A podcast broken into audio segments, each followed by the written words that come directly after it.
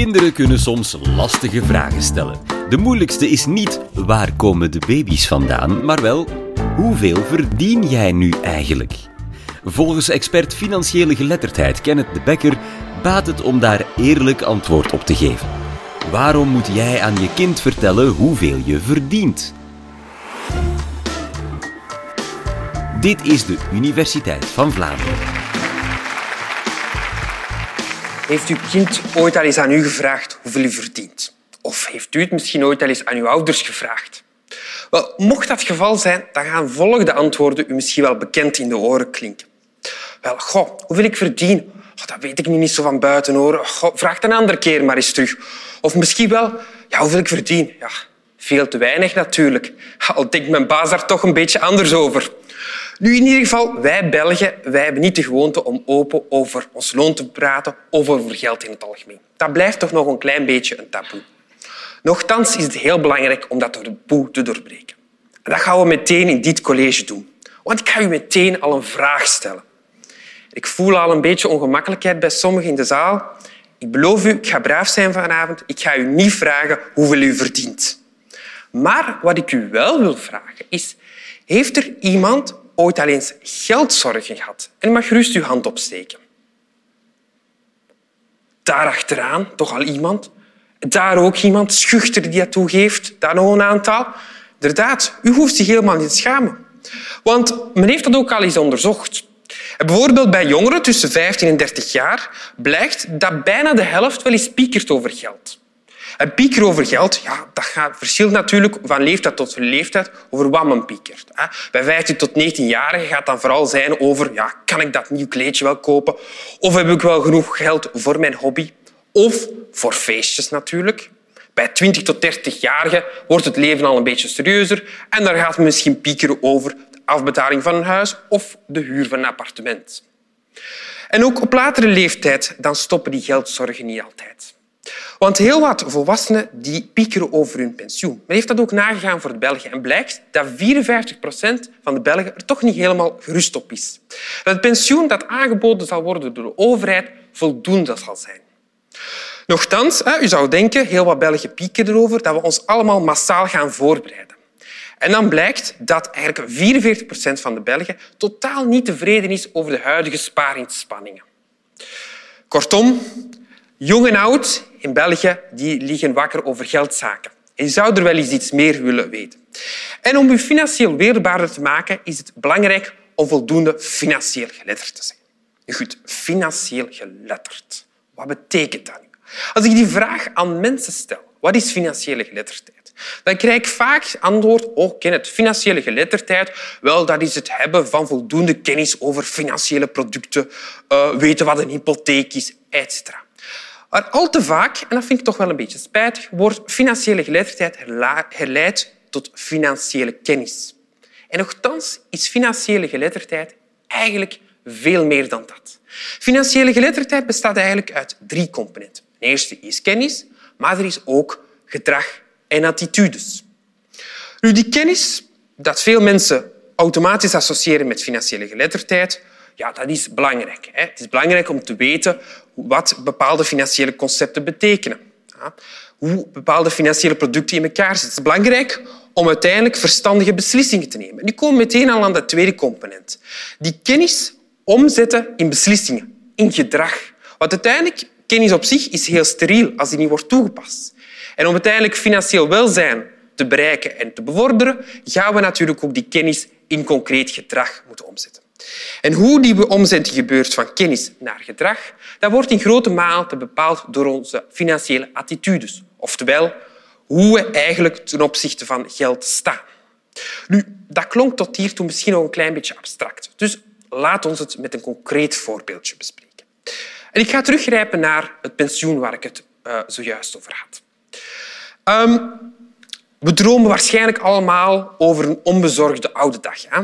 Want nu, in het druk leven dat we hebben als we fulltime werken, hebben we niet altijd de tijd om de leuke dingen in het leven te doen. En we denken, ah ja, als ik later op pensioen eh, ben, dan ga ik eindelijk de tijd hebben om die wereldreis te maken. Of misschien heb ik dan de tijd om eens ruim te gaan eten op regelmatige basis, een fietstochtje doen, etc. Maar één ding moet u wel in het achterhoofd houden. U hebt misschien dan wel tijd eens u gepensioneerd bent.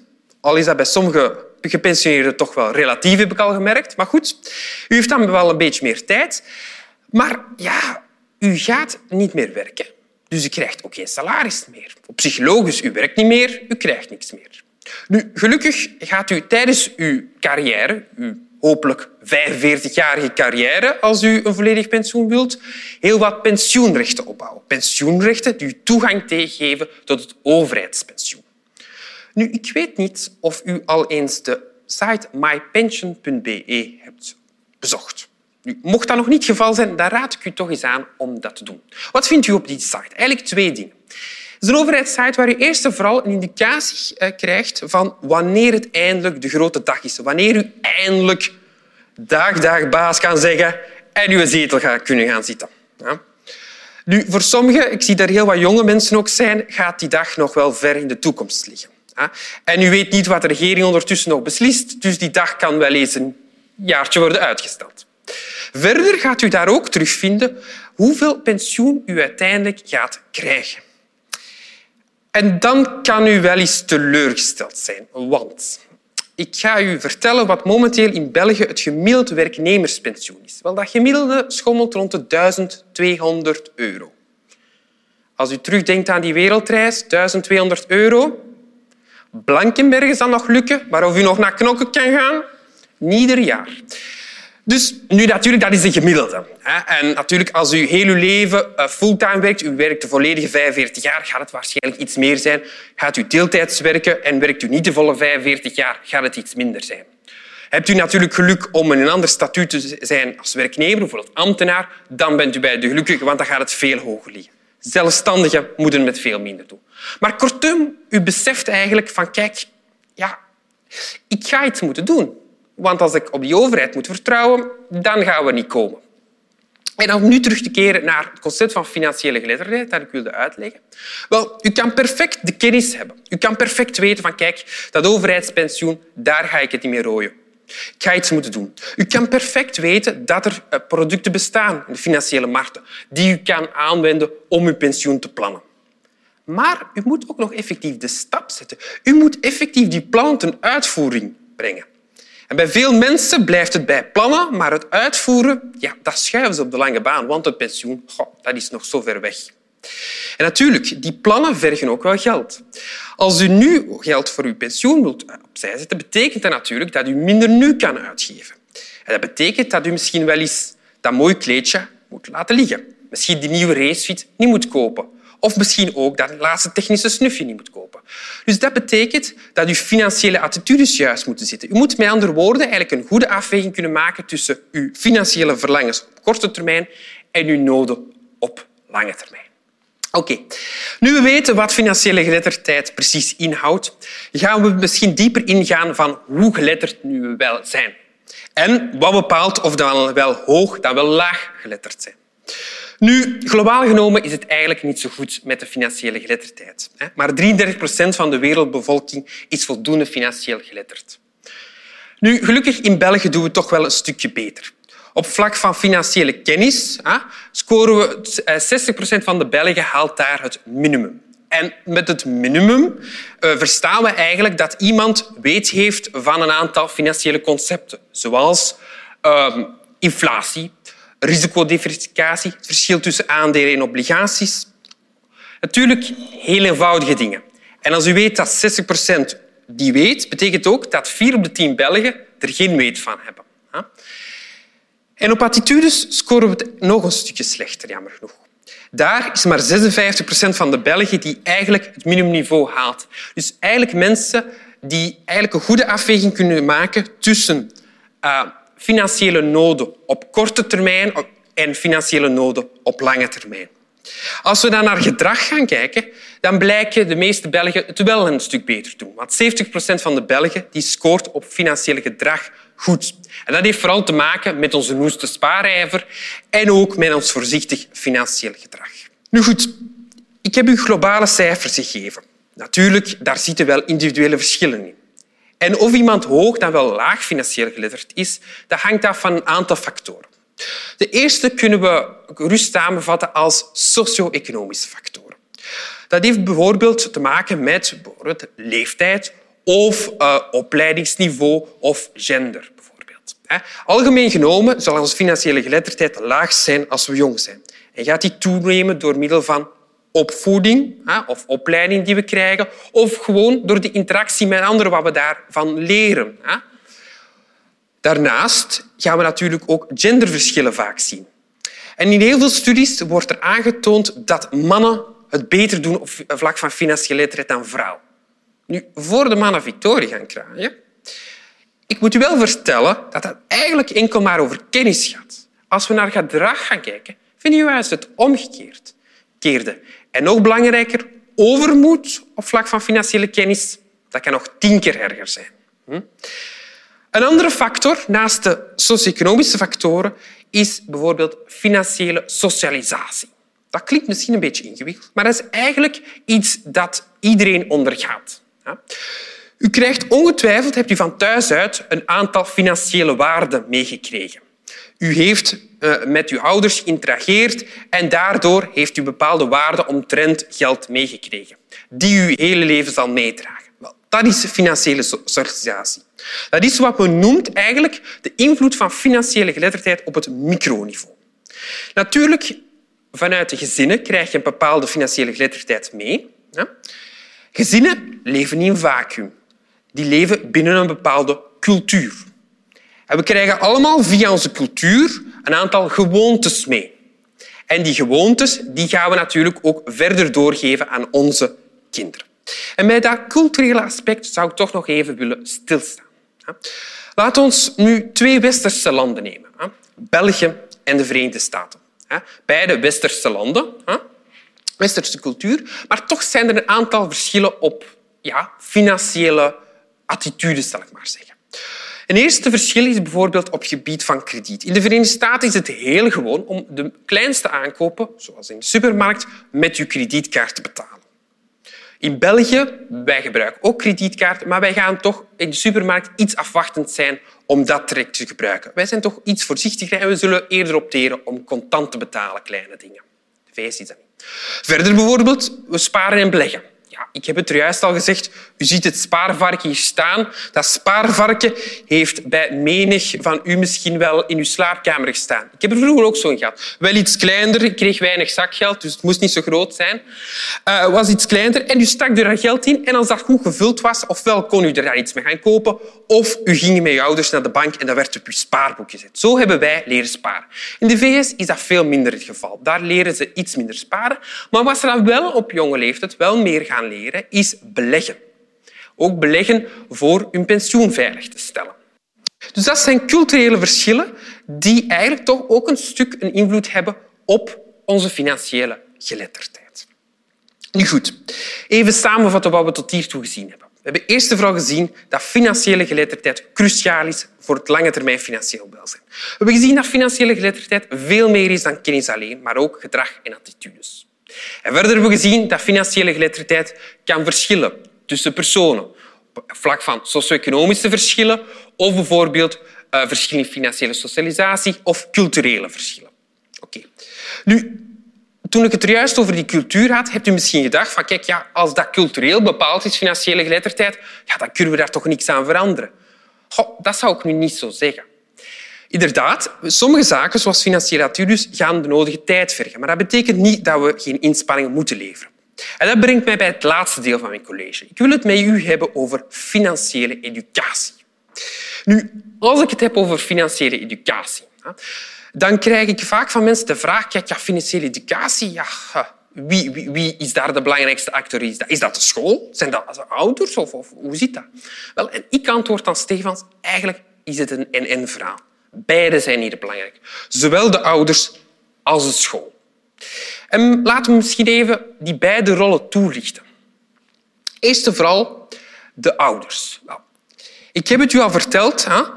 Van jongs af aan krijgt u bepaalde attitudes met betrekking tot geld mee. Die attitudes draagt u vaak uw hele leven mee. Hoe u budgetbeheer bijvoorbeeld door uw ouders leert, hoe dat thuis ziet, gaat u vaak ook later in uw eigen leven toepassen. Dus heel belangrijk, de ouders van op heel jonge leeftijd bijvoorbeeld aan hun kinderen zakgeld geven, zodat ze al voeling krijgen met budgetbeheer. Bijvoorbeeld. Verder moet u beseffen als ouder dat u het eerste aanspreekpunt bent voor vragen, ook voor financiële vragen. En het is heel belangrijk dat u dan niet dichtklapt en daar open met uw kind over durft te praten. Want praten werkt. Er wordt om de zoveel jaar in het onderwijs, niet alleen het Vlaamse onderwijs, maar ook in vele andere landen, onderzoek gedaan naar de competenties bij 15-jarige jongeren. Dat wordt gedaan voor wiskunde, taal, maar recent ook voor financiële geletterdheid. En wat blijkt nu? Dat bij de jongeren die thuis heel frequent over geld praten, dat die significant hoger scoren op financiële geletterdheid dan anderen waar er veel minder over wordt gepraat. Nu we kort de rol van de ouders hebben toegelicht, zou ik ook graag met u de rol van scholen toelichten. Wel, scholen zijn heel belangrijk wat betreft verzorgen van een basisgeletterdheid.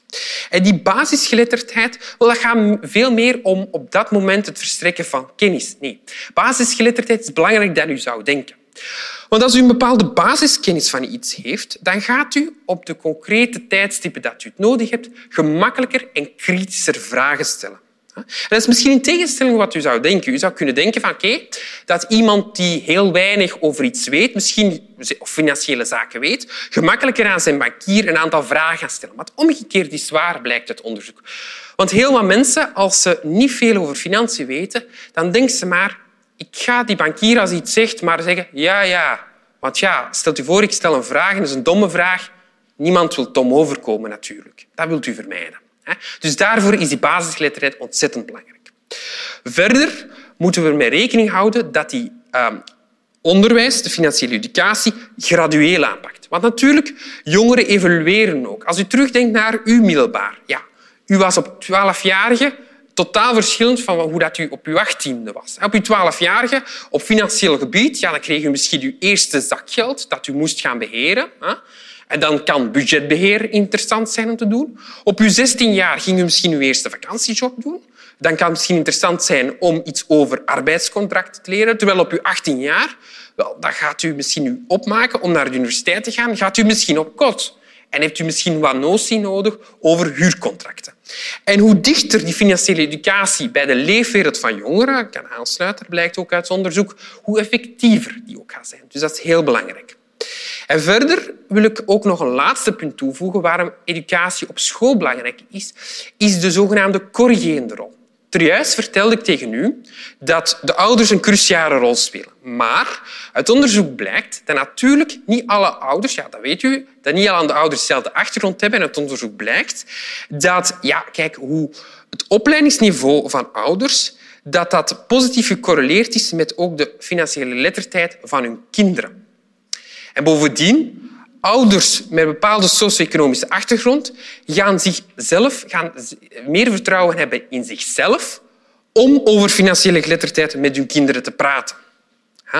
En om natuurlijk die visieuze cirkel voor stukje te kunnen doorbreken, is het belangrijk dat we in ons onderwijs zo breed mogelijk financiële geletterdheid aan zoveel mogelijk jongeren kunnen aanbieden. En dat wordt ook stilaan gedaan.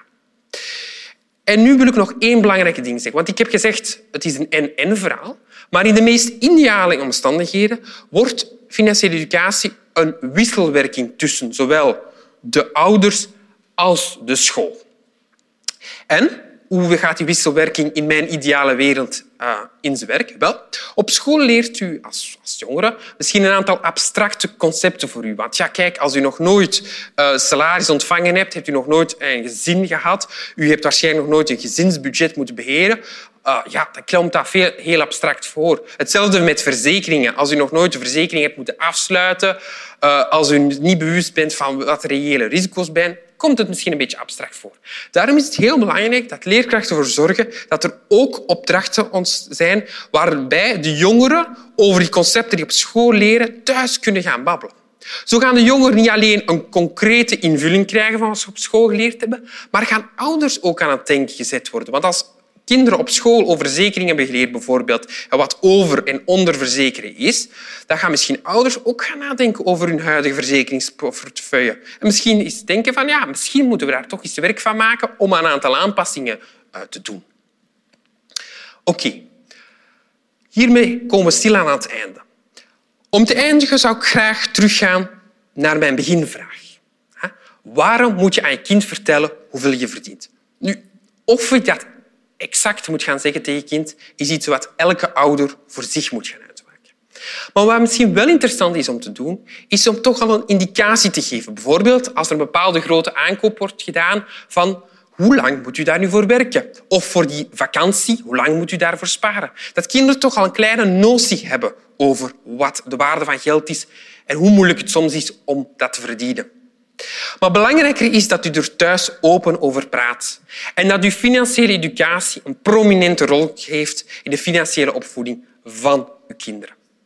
Want zoals ik u in dit college heb proberen mee te geven, door uw kind de nodige financiële educatie te gaan geven, gaat u hen een hele voorsprong in hun later volwassen leven geven. Een hele voorsprong doordat ze niet alleen meer kennis hebben, maar ook meer vertrouwen om kritische vragen te stellen op momenten dat u het doet. En op die manier gaat u de financiële zelfredzaamheid van hen verhogen.